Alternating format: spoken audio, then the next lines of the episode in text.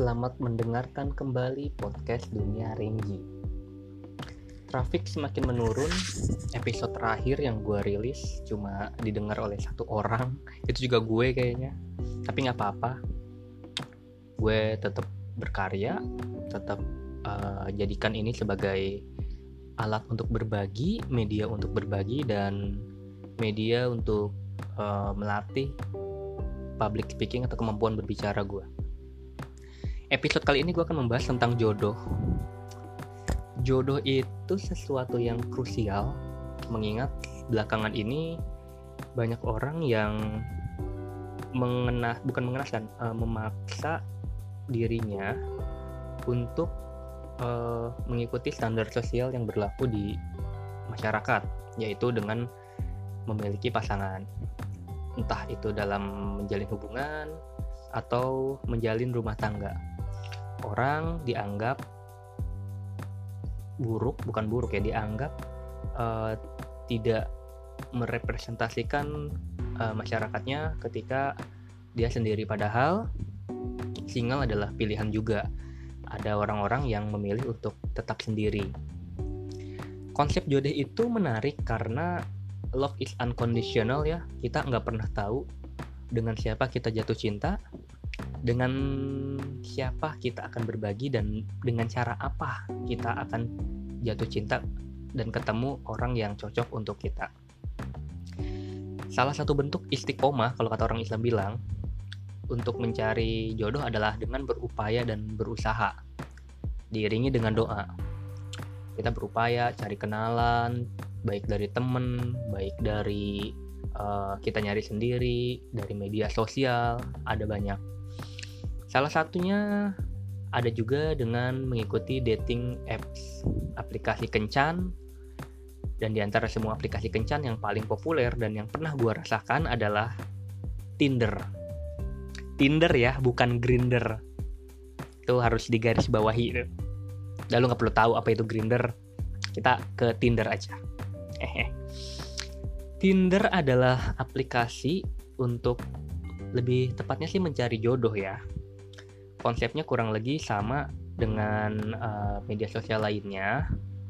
Tetapi yang membedakan antara Tinder dengan media sosial lainnya adalah untuk mencari jodoh kita harus match dengan orang lain. Jadi kalau misalnya uh, Instagram nih untuk kita bisa ikutin kita follow si A atau si B kita kan tinggal klik uh, icon follow ya atau ikuti. Sama juga Twitter. Seperti itu. Kalau di Facebook hmm, kita tuh harus konfirmasi ke dia. Kita add eh, tambahkan sebagai teman, lalu dia akan mengkonfirmasi atau akan menolak permintaan kita. Kalau di Tinder itu berbeda, agak lebih sulit karena kita disuguhin nih cara mainnya gini kita disuguhin ada banyak sekali katalog perempuan yang datang di layar kita. Kita bisa usap ke kiri, itu artinya kita tolak, atau usap ke kanan, itu artinya kita mau sama dia. Atau kita tertarik, kita interest sama dia. Untuk jodoh, atau nyebutnya match, dia juga harus melakukan hal yang sama. Masalahnya, kita nggak tahu nih siapa yang uh, match sama kita, siapa yang nge-swipe right siapa yang nge-usap ke kanan kita. Apakah si A atau si B atau si C? Dan untuk ketemu di satu titik maka si A dan si B ini uh, gua dan dia harus sama-sama swipe ke kanan. Makanya disebutnya woi jodoh nih lu sama-sama suka gitu. Gue suka sama lu nih tapi kan kita nggak ngomong ke dia kita juga dia juga nggak dapat notifikasi. Dan dia juga random aja tuh dari banyaknya katalog uh, foto dan profil laki-laki dia akan pilih tuh ke kanan atau ke kiri kanan atau ke kiri. Kalau tiba-tiba dia nge-swipe right atau mengusap ke kanan akun kita dan kebetulan kita juga melakukan hal yang sama di situ ada kecocokan dan jodoh. Yang akan berlanjut ini yang menarik ke ruang kolom chat setelah jadi tahapannya setelah kita sama-sama match atau jodoh kita akan dialihkan ke kolom chat. Di kolom chat itu kita bisa melakukannya obrolan aja kayak di Messenger atau kayak di uh, eh, DM Facebook, DM Instagram, DM uh, Twitter sama kayak begitu.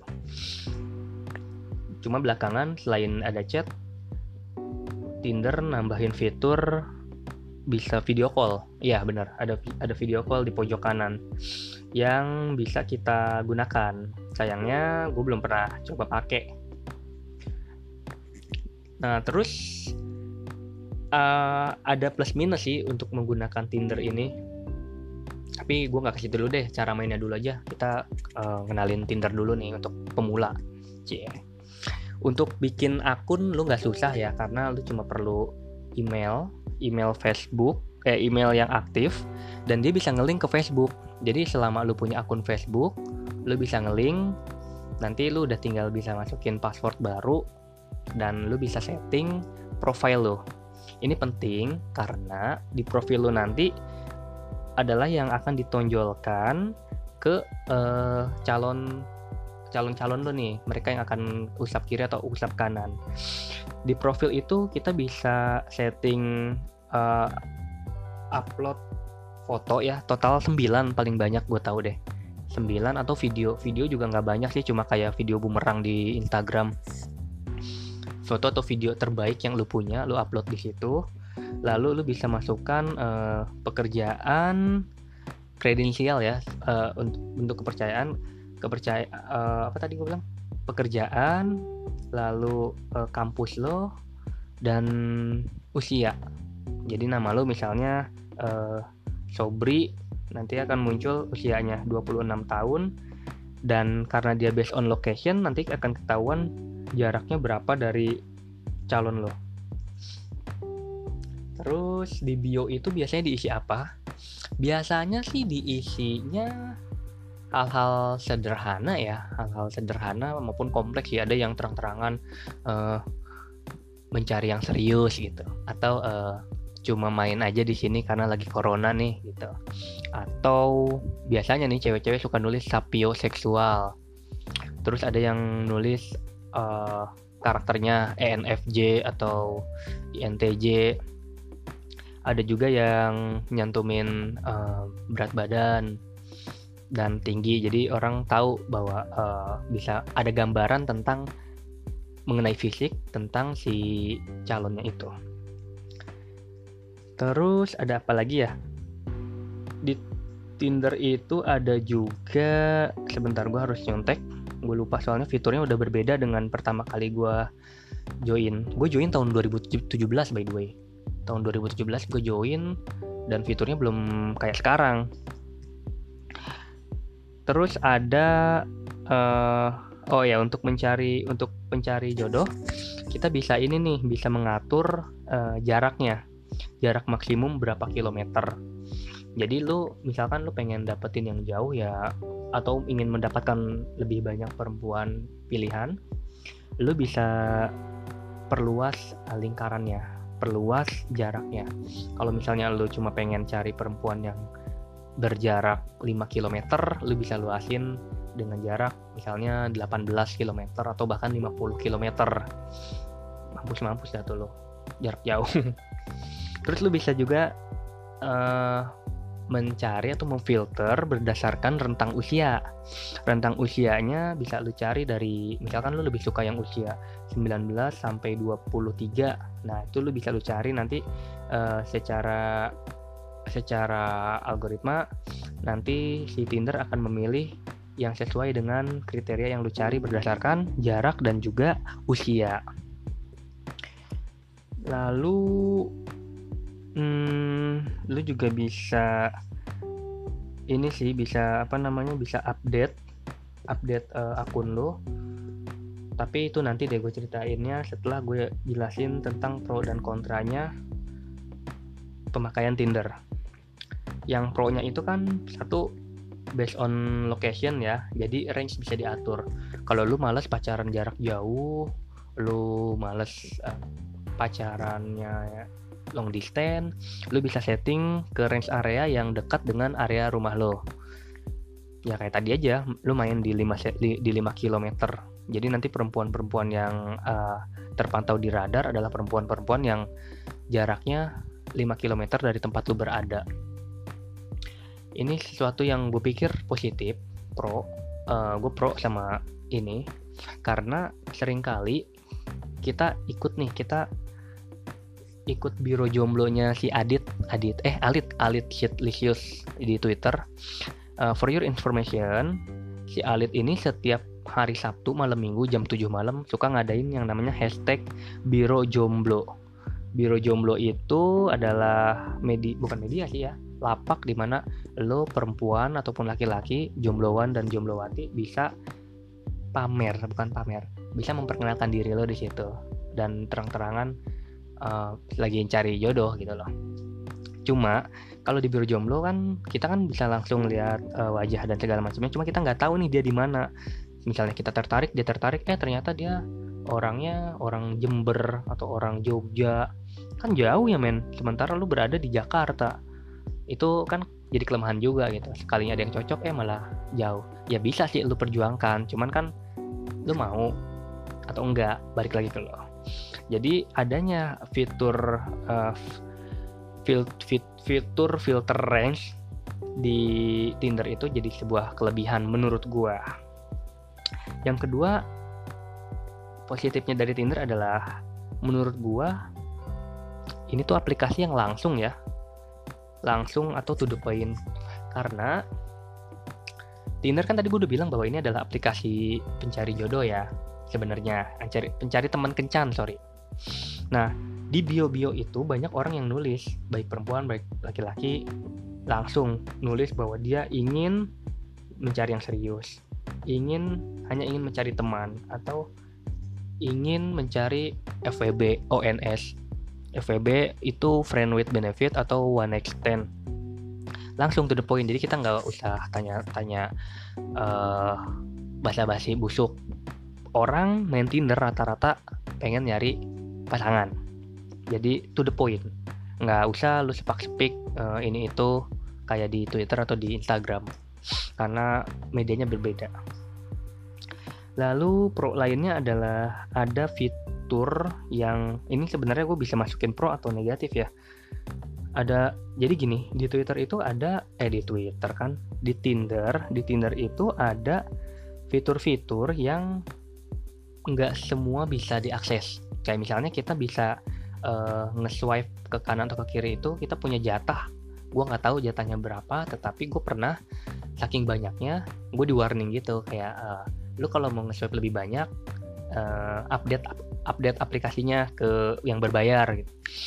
Terus gue tadi gue coba cari informasi ternyata beberapa fitur itu memang ada biayanya. Kayak misalnya nih aplik uh, untuk fitur super like. Super like itu adalah sebuah fitur di mana lo akan lo suka banget lah istilahnya. Lo suka banget sama akun tersebut. Dia ada satu hari sekali. Jadi setelah lo pakai dia akan muncul lagi setelah 24 jam ada waktunya tuh mundur lu baru bisa pakai. Kemudian uh, untuk untuk untuk bisa memakai lebih banyak super like lu itu dikenakan biaya. Untuk satunya bisa 88.000 mahal banget ya. Atau kalau 10 eh kok ini salah salah. Kalau super like itu 5 deh. Kalau 5 itu 5 super like satunya 23.000 jadi lu kali 5 aja. Kalau 60.000 60 super like itu lebih murah 14.000 tapi ya 14.000 lu kali 60 terus ada juga yang namanya Tinder Gold. Itu untuk satu bulannya 221.000 untuk setahun 102.000 102.000 itu per bulan jatuhnya ya. Masih lebih mahal jadi kalau dikali 12 ya sekitar 1,2an 1,2 juta. Terus ada Tinder Plus juga. Itu satu bulannya 147.000 tapi kalau 12 bulan 67.000 dikali 12 ya tentunya Nah, fitur-fitur itu nanti fungsinya adalah lo bisa uh, ngebuka yang orang yang suka sama lo. Jadi dia tuh ada ada ada fitur yang yang kita tahu nih kalau si A B C D ini nge-swipe kanan ke kita. Cuma karena kita pakai yang biasa, mukanya burem-burem dan dan eh, nggak uh, ada biodatanya. Tapi kalau lu pakai yang yang si Tinder Plus itu lu bisa buka uh, siapa aja orang yang swipe ke kanan lo terus lu juga bisa bisa ada fitur lain yaitu kalau misalkan lu habis swipe ke kiri kan lu mau back nih. Eh tadi kayaknya bagus deh. Nah itu kalau pakai yang aplikasi yang berbayar lu bisa melakukan itu. Kalau yang kalau yang yang biasa yang standar nggak ada fitur kayak gitu. Fitur back namanya ya. Nih pas gue coba mencet back oh nggak bisa deh. Dia iya dia nggak bisa. Terus ada fitur boost boost itu buat uh, bikin kita lebih banyak dilihat oleh para perempuan. Tetapi ya tentu ada biayanya. Untuk satu kali boost lo ba mesti bayar 88 ribu won kalau 10 bus satunya 59 ribu. Kali 10 590 ribu. Nanti fiturnya ya lo jadi ada di top of uh, others kandidat selama 30 menit tapi kalau lo nggak ganteng-ganteng amat ya juga lo tetap nggak akan banyak yang nge-swipe sih. Terus fitur lainnya adalah connect ke IG dan Spotify. Selain dia connect ke Facebook untuk akun pertama kita tahu kan kalau Facebook dan eh, IG itu udah dibeli Facebook kan?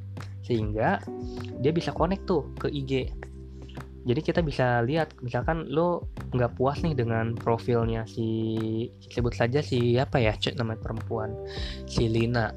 Lo nggak nggak nggak puas dengan dengan profilnya si Lina tapi di situ dia ada akun Instagramnya. Nah lo bisa kepoin dari situ. Ternyata oh orangnya begini kayaknya asik nih. Lo swipe right.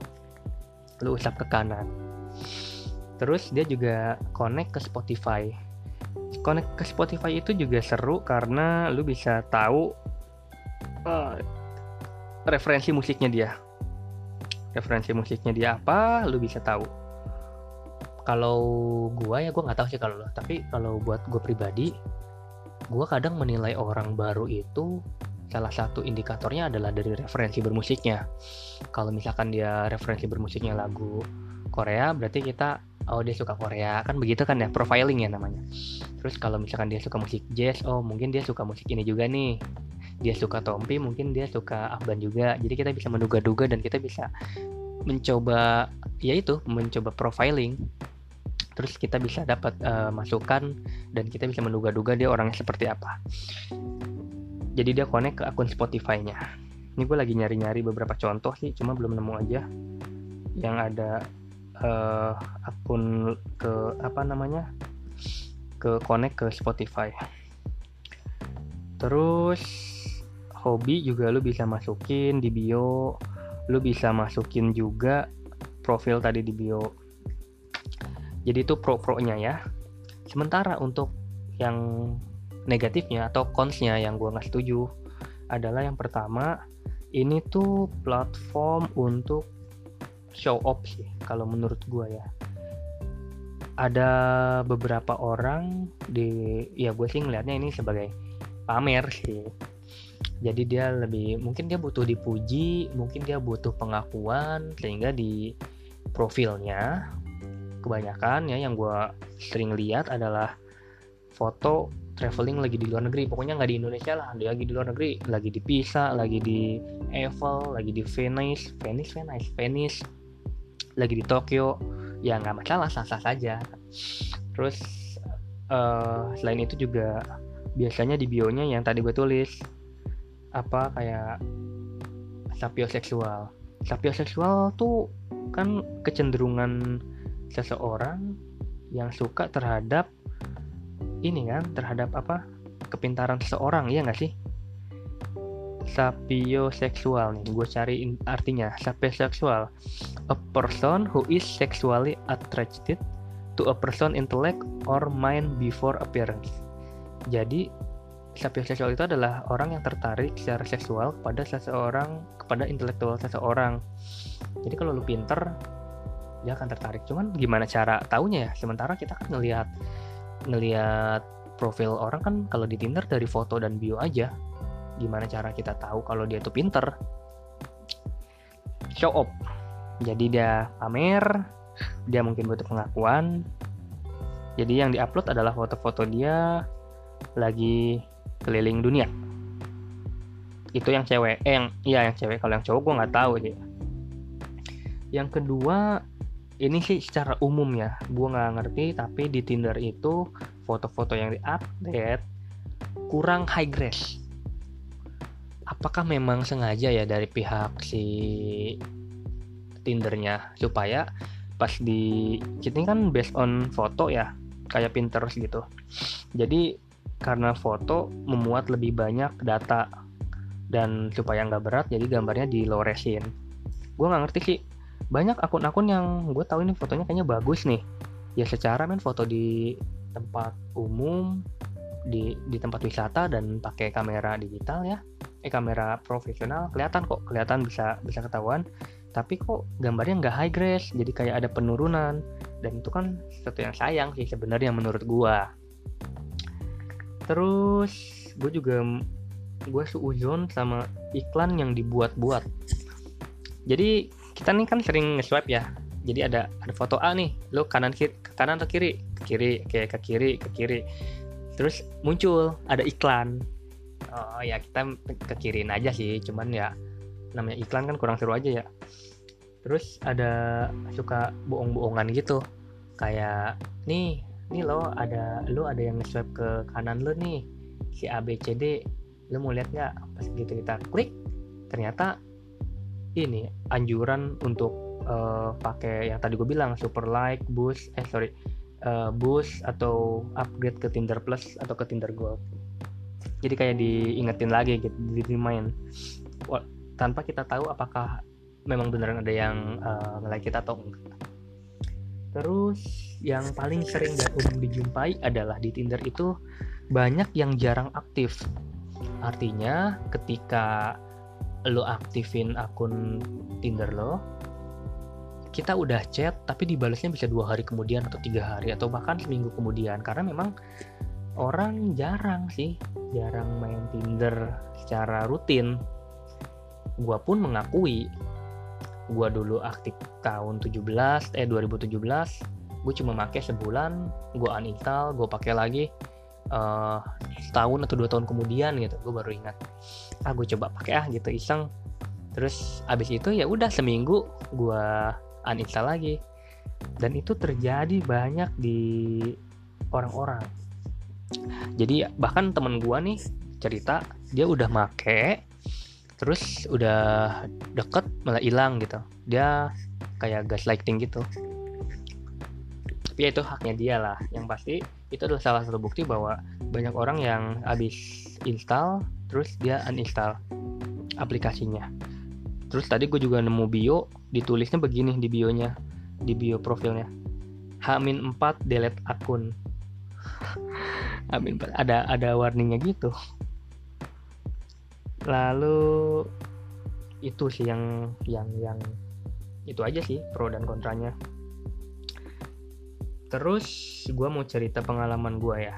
Pengalaman gue selama main Tinder gue tuh match dengan beberapa orang. Nggak banyak sih ya.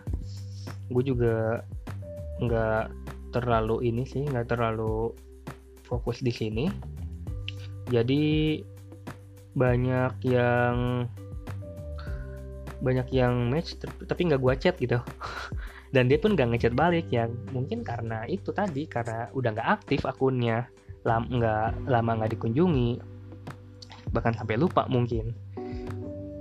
Terus gue udah pernah meet up tiga kali tiga kali satu tahun berapa ya waktu itu ya? Tahun 2019 kayaknya 2019 kali. Terus tahun 2020 dua kali. Baru hari minggu kemarin gue ketemu dengan salah satu uh, match gue di Tinder. Itu orang ketiga yang pernah gue meet up ya selama pas meet up mah ya kita ngobrol ngobrol sambil makan itu kan ngemil ya. Biasa kan ketemu di cafe gitu kita ngobrol tentang banyak hal tuh perpikiran oh, orangnya kayak begini. Terus masalah cocok atau enggak kan tuh balik lagi ke kedua kedua orang itu antara kita dan mereka. Ada yang cocok jadian mungkin bukan jadian sih lebih lebih lebih intens. Tapi kalau gue nggak ada belum ada sih sampai saat ini. Yang ke satu yang pertama gue cuma jadi temen sharing buku kayaknya deh. Bukunya masih ada di gue malah belum gue balikin. Yang kedua ternyata ini uh, satu alma mater. Satu alma mater terus pas kita ketemu juga ya bahas kampus aja bahas kampus. Bahas kampus dan belum pernah ketemu lagi sih. Ketemunya sebentar waktu itu nggak ada sejam kayaknya deh. Gue nggak tahu kenapa ya apakah kayak oh gue kayaknya nggak nyambung deh nggak nyambung atau kurang nyaman ya. Atau pas maghrib pas maghrib sih gue inget. Pas maghrib nih balik dulu deh gitu. Waktunya kurang tepat. Yang ketiga nih yang kemarin ini agak mendingan gue ketemu dan ngobrol selama 4 jam dan ya gue nggak tahu sih gue rasanya tertarik nih sama dia. Cuman tinggal nunggu dia aja tertarik atau enggak. Pengalaman gue yang lain selama Tinderan adalah gue pernah ketemu penipu. Asli men gue ketemu penipu men. Dari mana gue tahu? Dari nomor handphonenya. Ya. Jadi setelah kita chat-chatan di aplikasi chatnya itu kan kita bisa balik nih kita bisa pindah nih entah itu ke line entah itu ke WhatsApp supaya uh, komunikasi lancar kan. Nggak kayak di Tinder yang kita tinggalin kita uninstall. Jadi kita waktu itu gue minta nomor handphonenya. Nomor WA ada nomor WA nggak? Ada. Gue inget banget waktu itu dia nyari FWB deh kayaknya. Iya ya dia nyari FWB gue cari nomor handphonenya terus kan gue ada aplikasi get kontak ya. Gue cari dong get kontak pakai nomornya dia.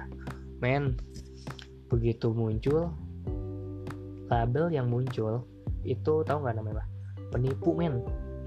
Penipu penipu bangsat. Awas penipu dan segala macam gue kan kaget ya anjrit gue ketemu penipu. Akhirnya nggak gue follow up. Ya ngeri men gitu kan. Walaupun cuma akhirnya nanti ketemu entah gue ditipu dengan cara apa gue kan nggak tahu. Tapi di situ sih ketemunya uh, gue menduganya uh, dia ini loh penipu yang kekoreaan. Karena ada ada ada ada ininya ada apa namanya ada nama salah satu boy band terkenal di situ. Namanya gitu Army ya kalau nggak salah. Uh, ternyata dia penipu. Ngeri banget men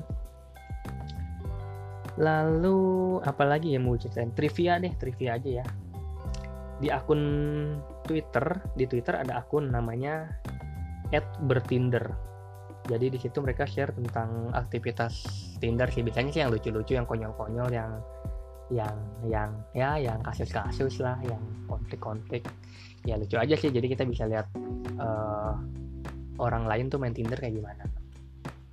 Pernah ada yang sempat viral saat itu ketika dia salah satu ini cowok ngasih ngasih fotonya tuh kayak slide presentasi tau gak lo?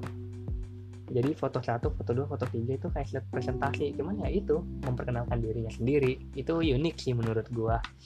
Cuma gua nggak tahu waktu itu uh, sempat sempat dia banyak yang matchnya atau enggak gua nggak ngerti nggak ngikutin. Yang pasti cara dia mempresent dirinya melalui tampilan uh, PowerPoint itu menarik sih menurut gua. Terus ada juga waktu itu cerita begini. Ini gue tahu juga dari si Tinder. Jadi mereka ada yang meet up nih. Ada cewek ngajakin meet up ke satu orang. Ketemuan di cafe A. Ternyata pas dia datang ke situ si cewek ini udah mengajak tiga cowok lain yang match sama dia dari Tinder jadi nggak cuma satu orang nih yang diajak ketemu sama si cewek ini. Tapi ketemu si B dan C dan D. Usut punya usut ternyata si cewek ini adalah pemilik kafe tersebut. Jadi si ABC itu datang ya mau nggak mau pasti jajan di situ kan. Ya itu strategi marketing yang bagus lah menurut gua. Udah yuk kita ketemuan boleh. Ketemuan aja di kafe ini. Ternyata dia yang punya kafenya lumayan lah nambah-nambahin omset ya. Terus jadi temen kan bisa jadi temen bisnis atau apa. Walaupun mungkin agak canggung juga ya pas uh, si cowok A ketemu sama si cewek itu. Ternyata si cewek itu juga ketemu sama si B C D yang sama-sama mau sama si cewek. Dan si cewek ya intinya lebih ke bisnis kali ya itu sih yang bisa gue ceritakan dari Tinder. Ya gue harap sih makin banyak yang match kali ya. Makin banyak yang match dan kalau gue tanya teman-teman gue kan gue sempet nanya nih di Instagram. Yang belum follow boleh follow di @rangyblues gue nanya uh, guys punya pengalaman seru apa waktu main Tinder? Gue tanya gitu. Ada yang jawab wah pada nggak bener. Kenapa nggak bener men? Gue tanya kan iya kebanyakan cewek yang match sama gue langsung ditodong nikah atau ya cuma buatnya esek-esek tadi kan gue sempat bilang ya ini kan aplikasi kencan jadi nggak nggak cuma orang buat nyari jodoh tapi juga nyari teman kencan buat FWB atau ONS temen gue cerita kayak begitu dia lebih sering ketemu yang uh, ketemu cewek match ngobrol dan segala macam tetapi langsung ditodong ya pengen nikah. Padahal kan si teman gue itu lebih pengen kayak jalan dulu aja sambil kita kan harus ngeliat karakter juga ya. Ngeliat karakter si calon pasangan itu apakah cocok atau enggak nggak bisa langsung ujuk-ujuk nikah. Gue pernah meet sama cewek orang Tangerang juga. Pas gue kenalan dan introduce segala macam ini udah sampai level ke tukeran WA ya. Dia bilangnya begini e, ma mohon maaf mas kalau boleh tahu ini masnya uh, untuk nyari pacar atau nyari istri ya? Soalnya saya udah males pacaran dan bla bla bla gitu what kita langsung ya mungkin benar juga. Cuman kan untuk pernikahan yang ideal itu kan lo juga nggak bisa main asal nikah aja kan. Gimana kalau lo akhirnya nikah tapi rumah tangga lo berantakan lo nggak mengenal calon lo dengan baik? Kan sesuatu yang merugikan juga gitu loh maksud gue. Itu dari temen gue yang satu. Temen gue yang satu cewek nih cewek. Dia bilang ah gue ketemu ini ketemu orang Jepang yang lagi kerja di Jakarta. Oh ya terus endingnya gimana? Gue bilang dia bilang sih ya dia nggak nyeritain endingnya. Cuma dia bilang rata-rata dia tuh nggak mau dia nggak mau identitasnya ketahuan. Dalam arti dia nggak mau IG-nya ketahuan dia nggak mau nomor handphonenya ketahuan. Setelah match ngobrol terus cabut gaslighting gak sih? Jahat gak sih? Jadi ninggalin aja gitu. Ghosting ghosting bukan gaslighting. Ghosting habis kenalan terus dia dicabut. Ya dia sih ngomongnya buat nyari temen. Terus dia udah nggak pakai lagi aplikasinya karena dia kayaknya udah bahagia dengan pacar yang sekarang. Ya selamat congratulations. Oke. Okay. udah 30 menit sih gue udah gue ceritain semua tentang pengalaman gue bertinder nanti gue coba akan update kalau ada updatean. Saat ini sih gue lagi merencanakan pertemuan kedua dengan uh, perempuan yang terakhir gue temuin itu. Karena ya ternyata orangnya asik dan gue rasa cocok aja. Mohon doanya dan selamat mencari jodoh buat yang belum dapat jodoh. Dadah